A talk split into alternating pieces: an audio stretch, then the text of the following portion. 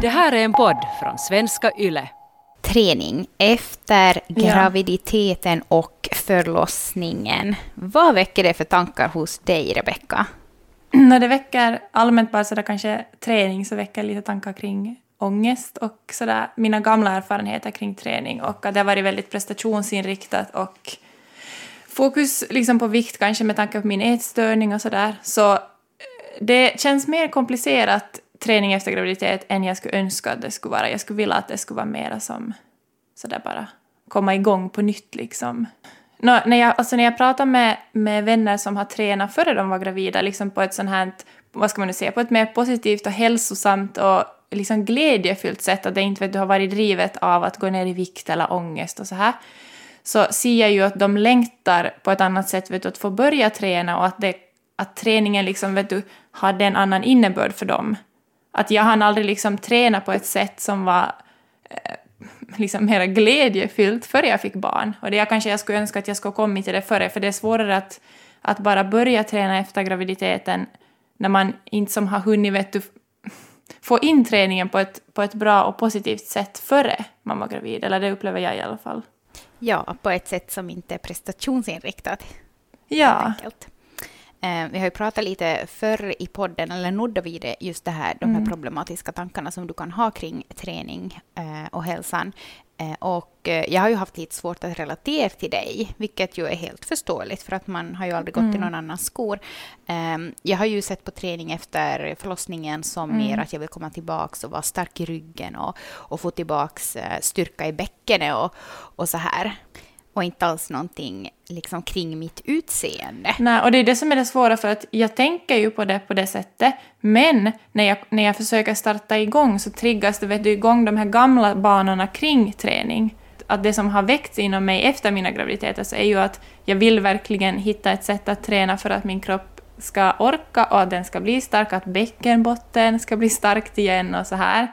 Att det tycker jag att är en, en fin sak ändå som har kommit, liksom att träning har, känner jag att får en ny innebörd efter att jag har blivit mamma. Men det är ändå svårt att inte vet du, koppla ihop de där gamla banorna som man är van att tänka kring träning när man väl sen börjar, har jag upplevt. Ni hör ju vad det är vi ska prata om idag, nämligen träning efter graviditet och förlossning.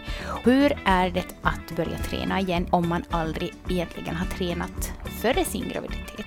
Och varför är det så viktigt att börja på efter förlossningen?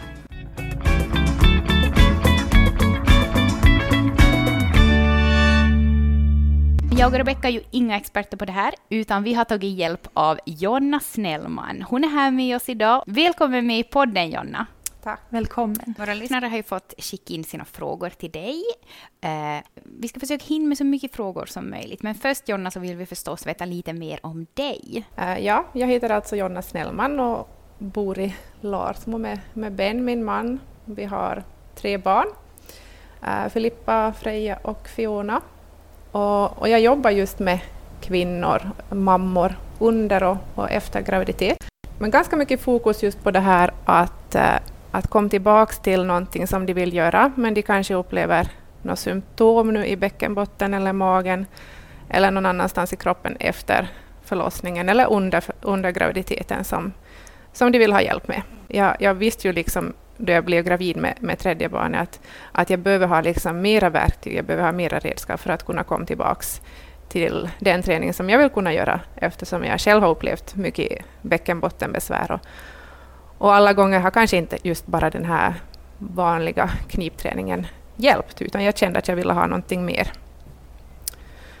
Uh, och det var då jag började liksom studera det här också och, och kom i kontakt med, med just andning Eh, och att få koppla ihop eh, bäckenbotten med andningen och också inre kåren eh, och sen ta med det i vanlig träning och, och sen gradvis bygga upp det vidare därifrån. Så det var en jättestor aha-upplevelse för mig och det har hjälpt mig jättemycket och det är också det som jag lär ut åt mina kunder. Alltså efter min första förlossning så, de, när hon föddes alltså, så gjorde de ju ett sånt buktryck, eller vad heter det, fundustryck, att de tryckte liksom på livmodern för att hjälpa ut henne.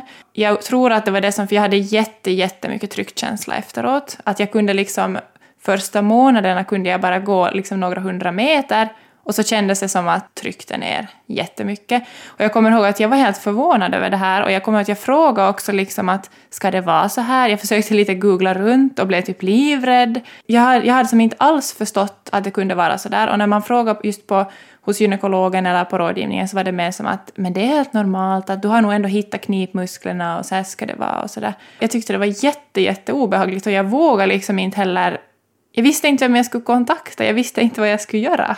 Ja, jag har också upplevt väldigt, väldigt mycket tyngdkänsla och, och tryck neråt, men jag har dock precis som dig på första förlossningen att de liksom tryckt, tryckt på min mage och sådär. Så, alltså det är ju vanligt med, med tyngdkänsla, men jag tycker absolut att man ska få hjälp för det, för att det finns saker man kan göra, att, att, att det är liksom inte bara det här knipträning, utan eh, just att man tar med det här hur man jobbar med buktrycket i vardagen.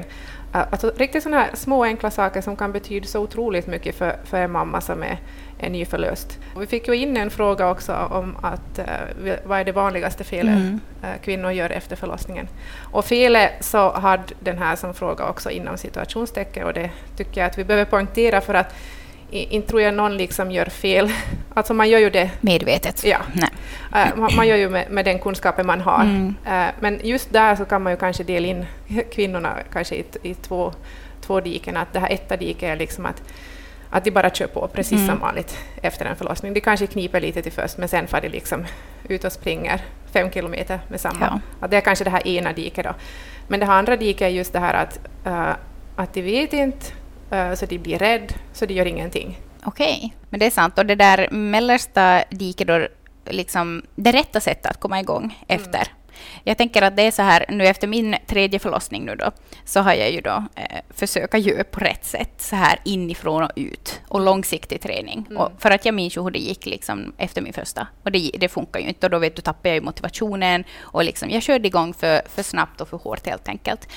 Um, och det bara slutade med att jag var som att nej, att jag har sjukt överallt och det här går ju inte och jag kissar ner mig och det ena med det tredje. Mm. Eh, att liksom köra igång med mer medveten träning och just det här, alltså långsamt. Mm. Hur långsamt och när? Mm. Uh, no, man brukar ju dela in uh, graviditeten i mm. trimestrar. Så jag tycker om den här tanken att, att dela in också, liksom, eller lägga till en trimester liksom, efter mm. graviditeten, att prata om den här fjärde trimestern, alltså 0 till 3 månader efter mm. en graviditet. Att man då liksom skulle, skulle lägga den här grunden. Förstås uh, jobba med knipövningar till först, men också ha det här i, i åtanke att alltid så är kanske inte knipövningar det här rätta. Uh, att vissa har, har kunnat få lite så här att uh, lite framfallskänsla, vilket kan leda till att de hela tiden går och kniper och är spänd i bäckenbotten. Och då är ju inte knipträning det här bästa, utan då är det liksom avslappning som, som den kvinnan behöver börja med. Uh, men just att, att, att jobba med liksom såna här enkla övningar, hitta andningen. Andningen kan vara A och O för att liksom få kontakt med bäckenbotten, både knipövningar och avslappning. Uh, hitta kontakten till den här inre kåren och liksom koppla ihop det här body-mind connection till först. Att, att vad gör mitt bäckenbotten då jag gör en squat till exempel, en knäböj? Att liksom trycker jag bara neråt eller Eh, får jag liksom aktivera då jag går upp ur en, en liten eh, lätt knäböj bara? Att jobba med sådana här enkla gummibandsövningar och eh, kropp, kroppsviktsövningar och liksom sakta liksom vänja kroppen vid det här igen, att, att göra någonting. Att man skulle gradvis under de här tre månaderna faktiskt liksom värdera sin kropp så högt att, att det här vill jag ge åt dig nu för att nu har du liksom varit gravid. Att, att nu sakta hittar vi tillbaks till uh, kroppskontakten igen.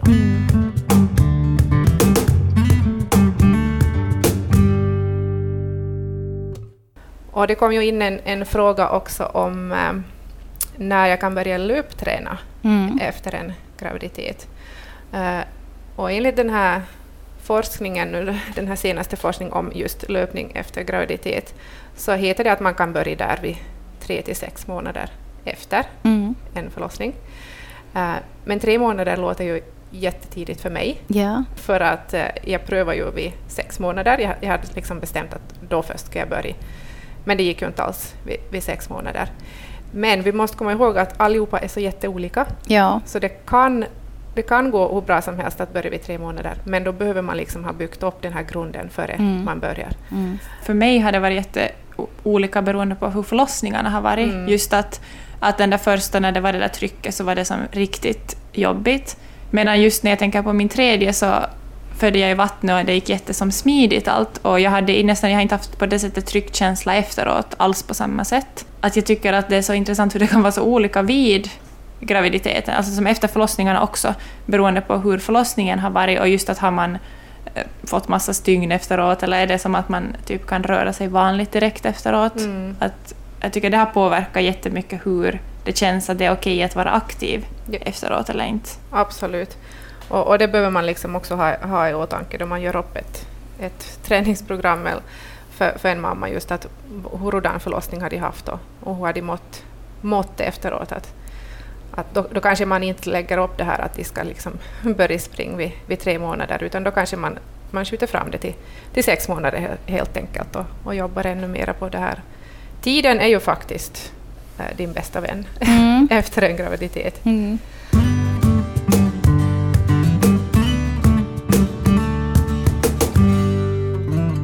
Men vad är det som händer? Vad är det som, eller som händer, men vad kan hända? Just du sa att det känns då inte bra för dig att börja springa vid sex månader. Vad är det som händer i bäckenbottnet om vi börjar för tidigt? Nå, för mig så var det ju nog liksom att jag har ju haft liksom framfall redan egentligen efter eh, första barnet. Mm.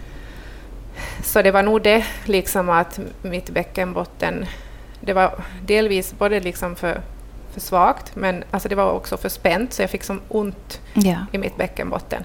Och jag fick inte liksom direkt efter då jag kom hem från den där löpturen. Och den Nej. här löpturen var ju väldigt försiktig. Jag sprang 30 sekunder, gick två minuter, Mm. sprang 30 sekunder. Eh, Och då jag kom hem så känns det som en seger, men sen på natten fick jag jätte, jätteont. Så det är nog liksom ett ett tecken på att de där, de där musklerna var inte redo. Det, det blev liksom för stor belastning. De säger till, precis som om du skulle få sjukt i axeln. Mm.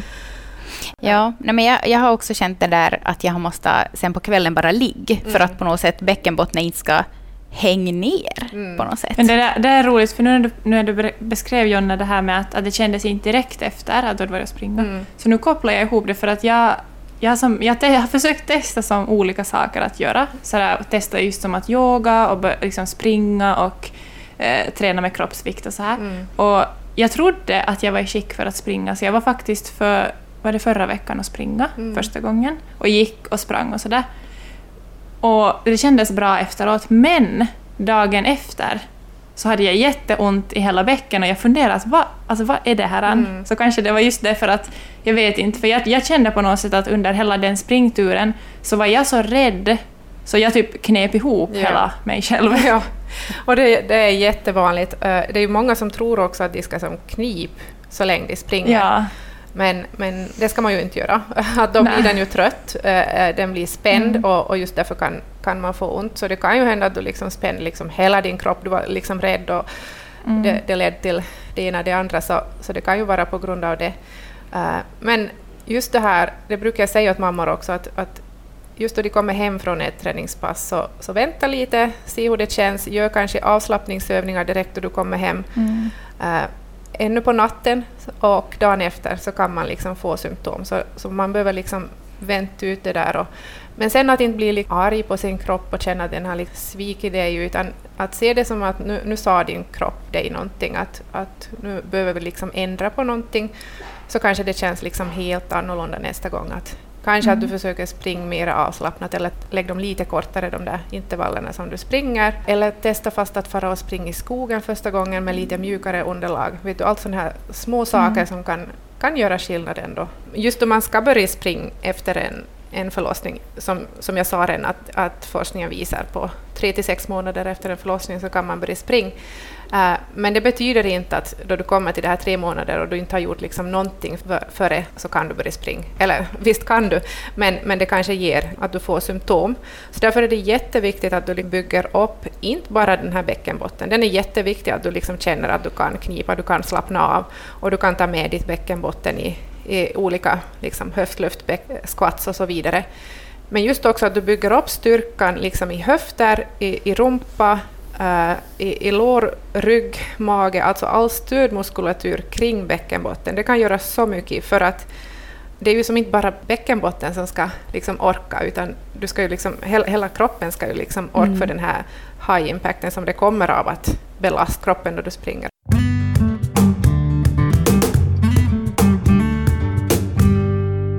Någonting som jag tycker att det är jättemycket fokus på är magmuskeldelningen att det är så viktigt att magmusklerna ska gå ihop och att man är som så här att man jobbar stenhårt för att de ska gå ihop och, och eh, till och med kanske börjar tänka så här att om inte de går ihop så måste jag få en operation och så här att har vi för stort fokus på magmuskeldelningen? Mm. Uh, absolut tycker jag det. Och, och, enligt den här senaste forskningen så, så har det ju faktiskt kommit fram till att man inte kan träna ihop en magmuskeldelning att egentligen så far en magmuskeldelning ihop eh, av sig själv med hjälp av tiden. Som jag sa, tiden är din bästa vän, men också beroende på vad du har för gener. Uh, men däremot så är det ju viktigt att träna den för att uh, magmuskeldelningen ska bli starkare och mer mm. funktionell. Att det är mer fokus på funktionen idag än på hur stor delning du har. Att förr mätte man ju liksom med fingrar och måttband och alltihop att oj, oj, oj, den är fyra centimeter, att nu ska vi som träna så den går ihop till två centimeter. Men det finns ingen som kan liksom, du kan inte fara till en tränare och så säga den att nu ska vi träna ihop din magmuskellinje, att, att det stämmer inte egentligen, utan Eh, det handlar om att bli starkare, att den här linealban, alltså bindväven mellan raka magmusklerna, att den blir starkare, att den tål mer, mer belastning. Och att du också liksom tränar så att du får funktion, bättre funktion i de här inre magmusklerna som har varit liksom uttöjda. Eh, men sen också med tiden att du också tar med de här raka magmusklerna. Att, eh, det har ju varit jättelänge som, som mammor inte ens har vågat göra liksom sit-ups och plankor för att de har varit så rädda att, att göra den här magmuskeldelningen värre. Eh, Tvärtom så kan det faktiskt hjälpa din mm. magmuskeldelning, för att du behöver ju liksom träna de här raka magmusklerna. De har ju också varit uttöjda. Är det någon skillnad där om man liksom har gjort ett kejsarsnitt eller fött vaginalt kring liksom magmusklerna efteråt? Ja, no, alltså har du ett, sån här, ett snitt under bikinilinjen så nog är det ju det är nog bättre för dina magmuskler. Uh, har du liksom blivit snittad rakt ner från vid, vid naveln så det kan vara svårare att hitta hit den här kontakten till, till magmusklerna igen. Och på det viset, om du jämför en, en kejsarsnitt med en vaginal förlossning så, så det påverkar kanske inte den här magmuskeldelningen. Men du behöver kanske vänta lite längre tills det känns okej okay i det här såret och att det har läkt ordentligt före du börjar jobba med det. Men det kom ju in en fråga också om, om den här delningen ändå är stor och fast man har liksom tränat magen, att kan det bli operation då? Och, och där igen är det ju lite det här samma sak, att att hur, hur, hur lider du eller hur, hur, stora problem har du av, av din delning? Att kan du använda den funktionellt både i vardagen och i din träning? Uh, eller har du liksom jättestora problem och, och, det känns som att, att din mage är, är jättestor och du tycker också så här utseendemässigt att det, det stör dig och, och, du liksom har, har ont i din mage, du kan inte använda den som du vill. Så, så då tycker jag absolut att man ska få liksom en, uh, en läkare att, att titta på det. Det är ju inte jättevanligt, men, men det här, om, om man lider av det så tycker jag ju det. Och, och då får man ju liksom remiss vidare då, i så, I fall, så fall. Mm. Om, om läkaren tycker mm. det.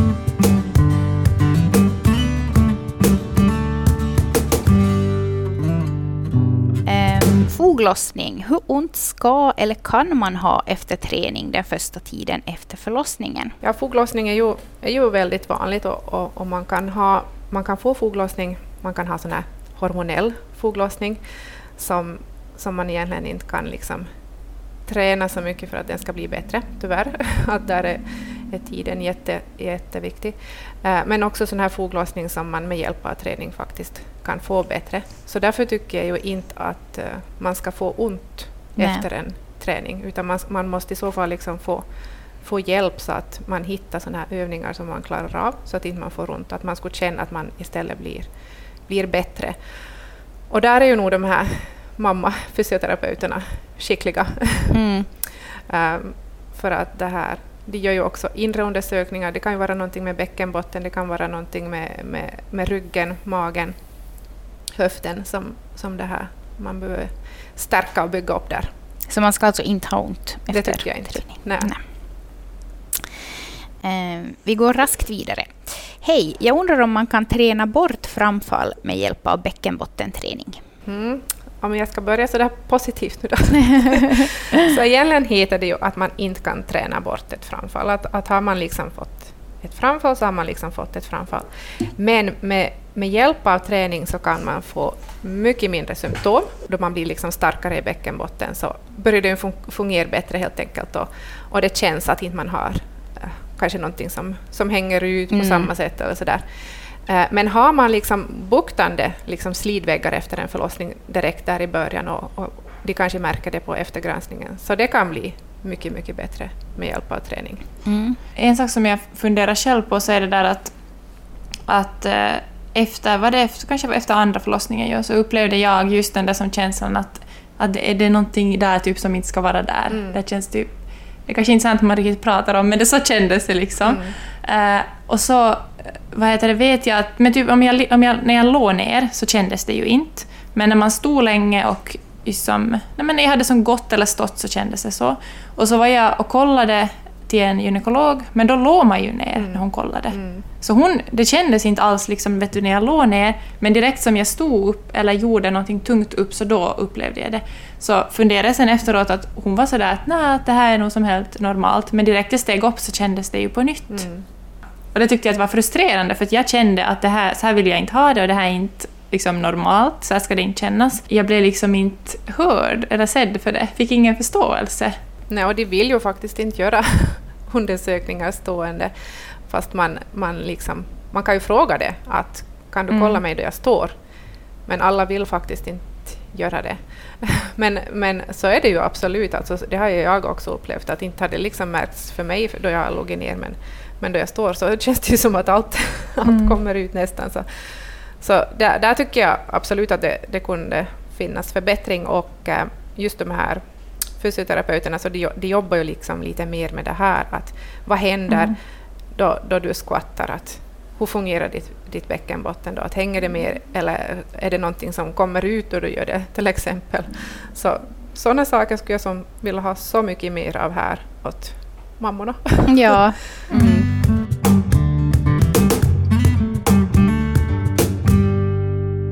En av er skrev så här. Det är åtta månader sedan min dotter föddes, men jag ser ut att vara gravid i sjunde månaden. Varför och vad kan jag börja träna? Och där skulle jag förstås också vilja fråga, att, vad, vad har du liksom tränat? Har du gjort någonting nu? Uh, eller är det liksom att, att du inte har vågat göra någonting?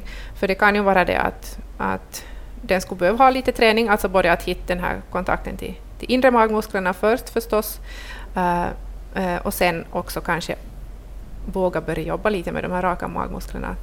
Att det kan vara det som inte du har liksom gjort, att, att du har ännu liksom att om du tänker då din mage liksom har varit uttöjd, att, att de här raka magmusklerna har också varit jätteuttöjda och de här inre magmusklerna. Så att liksom stärka allting där, men det kan ju hända att du har en, en, eh, en stor magmuskeldelning som, som det här som gör att, att magen, magen känns större än vad den har varit tidigare. Eh, kanske ta hjälp av någon där, så att du skulle liksom hitta de där rätta övningarna för dig. För att ibland behöver man faktiskt få riktigt sån här personligt att eh, kolla ut att hur reagerar din mage då du gör den här övningen. Att okej, okay, den reagerar bra, bra, du liksom får inte en sån här eh, åsmitt på magen, att istället så blir den liksom starkare, mm. ser vi då, då du gör den här övningen. Att, att lägga till såna, såna övningar. Mm. Men finns det någonting som så här, för jag upplever just att de här övningarna att, att just connecta andningen med buktrycket och liksom hur knipa och avslappna har hjälpt otroligt mycket. Jag kanske inte vågar sen, jag inser nu när vi pratar, jag skulle verkligen som vilja våga ta det till nästa steg, men jag upplever i alla fall att de övningarna har varit jätte, jättebra. Mm. Att just connecta ihop allting. Uh, så, men finns det någonting man kan göra så här nu om man blir sådär, alltså om man just har fött barn eller om man inte alls har tränat bäckenbotten eller knip eller andning? Finns det något så enkelt tips eller råd som du kan vara så här, det här är första grejen man kan göra för att connecta?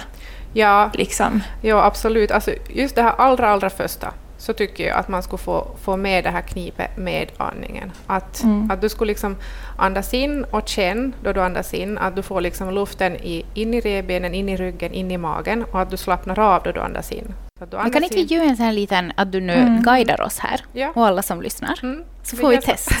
Ger vi en liten sån här. Alla karlar som lyssnar får Ja. också. Ja, nu får du riktigt Ja. eh, guida oss här hur vi ska göra. Men ni får sitta bekvämt eh, och känna fast att ni har liksom fötterna i marken. Och eh, så lägger ni ena handen på magen eh, och andra handen på era revben. Eh, och nu ska vi andas in. Vi kan säga att vi andas in tre gånger. Och då ni andas in nu så vill jag att ni ska känna att luften, att ni får den in i era revben. Ni kan tänka att ni har ett paraply som ni har liksom in i ryggraden och så ska ni liksom sprida ut det när ni andas in så att liksom ni andas in i revbenen. Så vi kan ta en inandning, att ni andas in och känner att revbenen vidgas ut åt sidorna. Men jag vill också att ni ska känna att luften far in i magen. Så vi tar en till. Jag andas in och känner hur den far in i revbenen, in, in, in i magen. Och så sen bara blåser ni ut. Så ingen spänning i magen då ni andas in. Vi tar en till. Och sen bara blåser vi ut. Och nu ska vi koppla ihop då bäckenbottenknip med det här. Så efter att ni har andats in så får ni lägga på ett litet luft, att ni kniper bäckenbotten och så får ni blåsa ut. Så ni andas in och slappnar av. Och så kniper ni och blåser ut. Och då märker ni kanske att magen liksom lite spänner till sig då ni blåser ut. Och nu ska vi lägga lite mera fokus på det här då, att vi också spänner magen, aktiverar magen då vi blåser ut. Så vi andas in och slappnar av i magen och bäckenbotten. Och så kniper vi, blåser ut och aktiverar magen. Så det här är en, en jättebra, kort, enkel sån här övning. Eller egentligen inte så enkel, alltså den, den känns väldigt enkel för mig nu och för ni som har jobbat med det. Men faktiskt i början så kan den kännas svår, men att det lönar sig att lägga lite tid på det här, för det här är liksom faktiskt grunden till allt. Sen kan man liksom bygga vidare eh, genom att lägga till olika övningar till det här då, och på det viset stärka den här eh, kontakten till bäckenbotten och, och magen och, och andningen. Och just andningen, så diafragman har ju varit väldigt påverkad under graviditeten. Den har ju liksom blivit uppbokad av, av babyn där, så att, att den liksom hittar och får tillbaka sin plats för att just bäckenbotten ska kunna börja samarbeta ordentligt med diafragman igen också. Mm. Och man just övar redan mycket, ända sedan BB, ja, så just på det här, det här enkla som du just eh, guidade oss igenom, eh, så är det ju som också mycket enklare att sen ta in det i träningen. Mm, absolut. ja. Och redan som, som gravid Mm, kan du också mm. träna på det här. Och då är det mycket lättare att, att hitta det sen.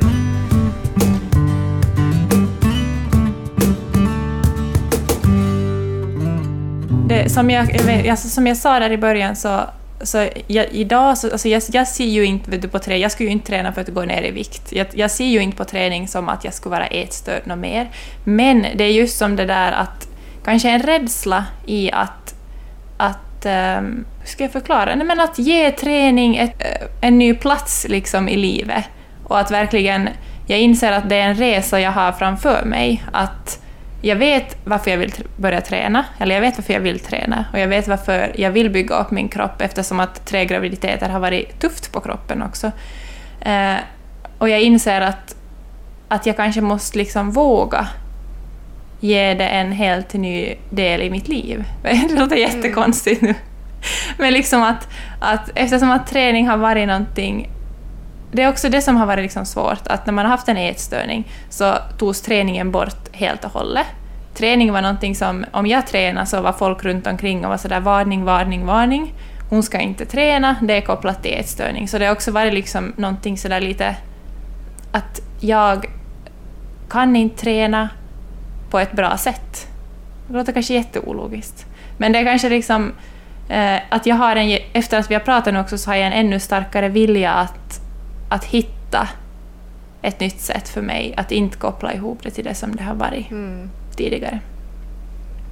Ja, för, för, för mig har det handlat jättemycket just om det här funktionen att, Mm. att klara av att göra saker igen som jag aldrig liksom trodde att var, var möjligt. Att väldigt lite fokus på utseende för mig Mm. utan att där då jag var liksom sex månader postpartum och trodde att på riktigt att jag kommer aldrig mer till kunna springa eller jag kommer aldrig mer till kunna lyfta så tungt som jag, som jag vill.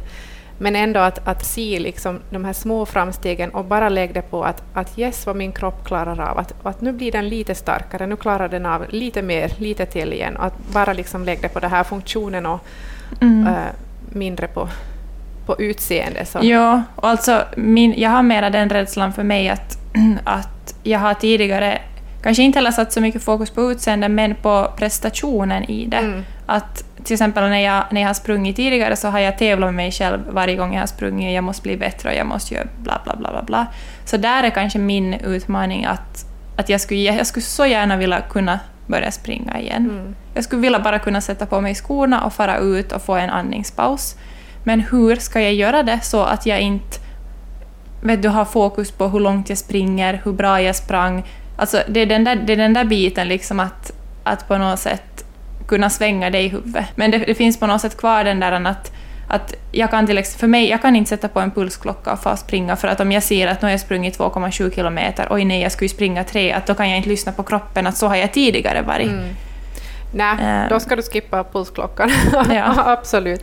Och inte med... Men det här kanske inte alls hör hit. Ja, men jag tycker det är jätteviktigt. ångest nu när vi pratar Nej, om det här. ska, Ja. nej, det är jätteviktigt. Och, och just att inte du heller skulle som mäta alls någonting hur långt du springer och, och just det här att jobba med intervaller jättelänge. Att inte du alls liksom, Mm. bara att du som kanske bestämmer att, nej, men att nu springer du en minut och går två minuter och, och håll på med det en tid. Eh, och bara liksom känna efter att din kropp känns bra och, och vara nöjd med det då du kommer hem. Att väldigt, väldigt sådana här små steg. Att inte du alls liksom har något mål eller någon plan i sikte utan bara liksom Nej. lite testar och på. Och, och, Jag sitter här och lipar jag nu. Jag vet inte varför det känns jättesom... Det är kanske Mm. för att man på något sätt... Jag anser, det, är kanske, det är på något sätt så kört för att Mm. jag, an- jag anser ändå mig som att jag är liksom helt frisk från min ätstörning och jag hatar att den här delen liksom...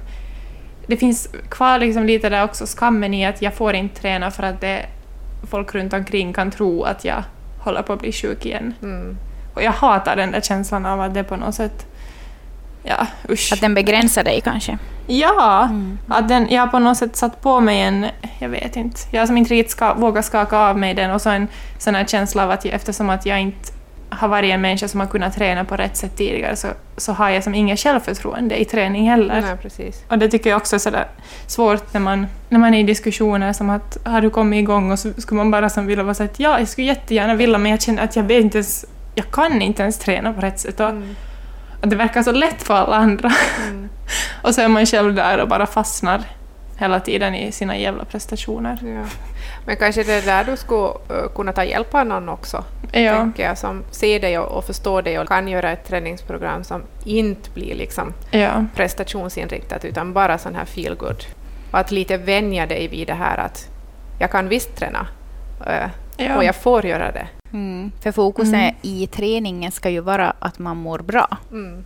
Mm. Fokuset ska Det är ju inte vara prestation. Men där tänker jag också att därför skulle det kanske vara bra att du verkligen kanske till och med gör den här träningen tillsammans Mm. med någon. Eh, Ja. Att ni, ni, ni pratar om det före ni far och ni gör det tillsammans och sen pratar igenom det efteråt. Att inte du, en, att inte du gör det liksom på egen hand. Att du har någon hela tiden att, att ventilera. Att, Mm. hur, hur känns det här nu? Och, och, och nu stannar vi och nu går vi en stund och, och, och det är helt Mm. okej att, att vi behöver som inte öka tempo nu. Och, du, att du verkligen skulle få den här handledningen i alla fall till en början. För att hitta tillbaka till någon, eller för att hitta träningsglädje. Mm. Och Exakt. inte hitta tillbaka om du aldrig ens har haft den riktigt. Mm. Nej, precis. Men det är jätteviktigt också att prata om den där delen av träning. Och just den här pressen som finns på mammor eh, kring att eh, under graviditeten så är alla så begeistrade. Åh, du har så fin mage och du, åh, vad den växer och åh, du lagar ett barn. Och sen direkt man kommer hem från BB så är magen typ ful för att den inte liksom passar in i, i samhällets norm på hur en mage ska se ut. Åh, ge det lite tid. Exakt, tiden är bäst. Speciellt efter en, en, en graviditet. Stort tack Jonna för att du kom och gästa podden. Jag hoppas att, eh, att många har fått eh, svar på lite funderingar och, och så här rätt ut lite frågetecken kring träningen. Vi hörs igen nästa vecka. Tack för att ni lyssnar. Ha det så bra. Hej då.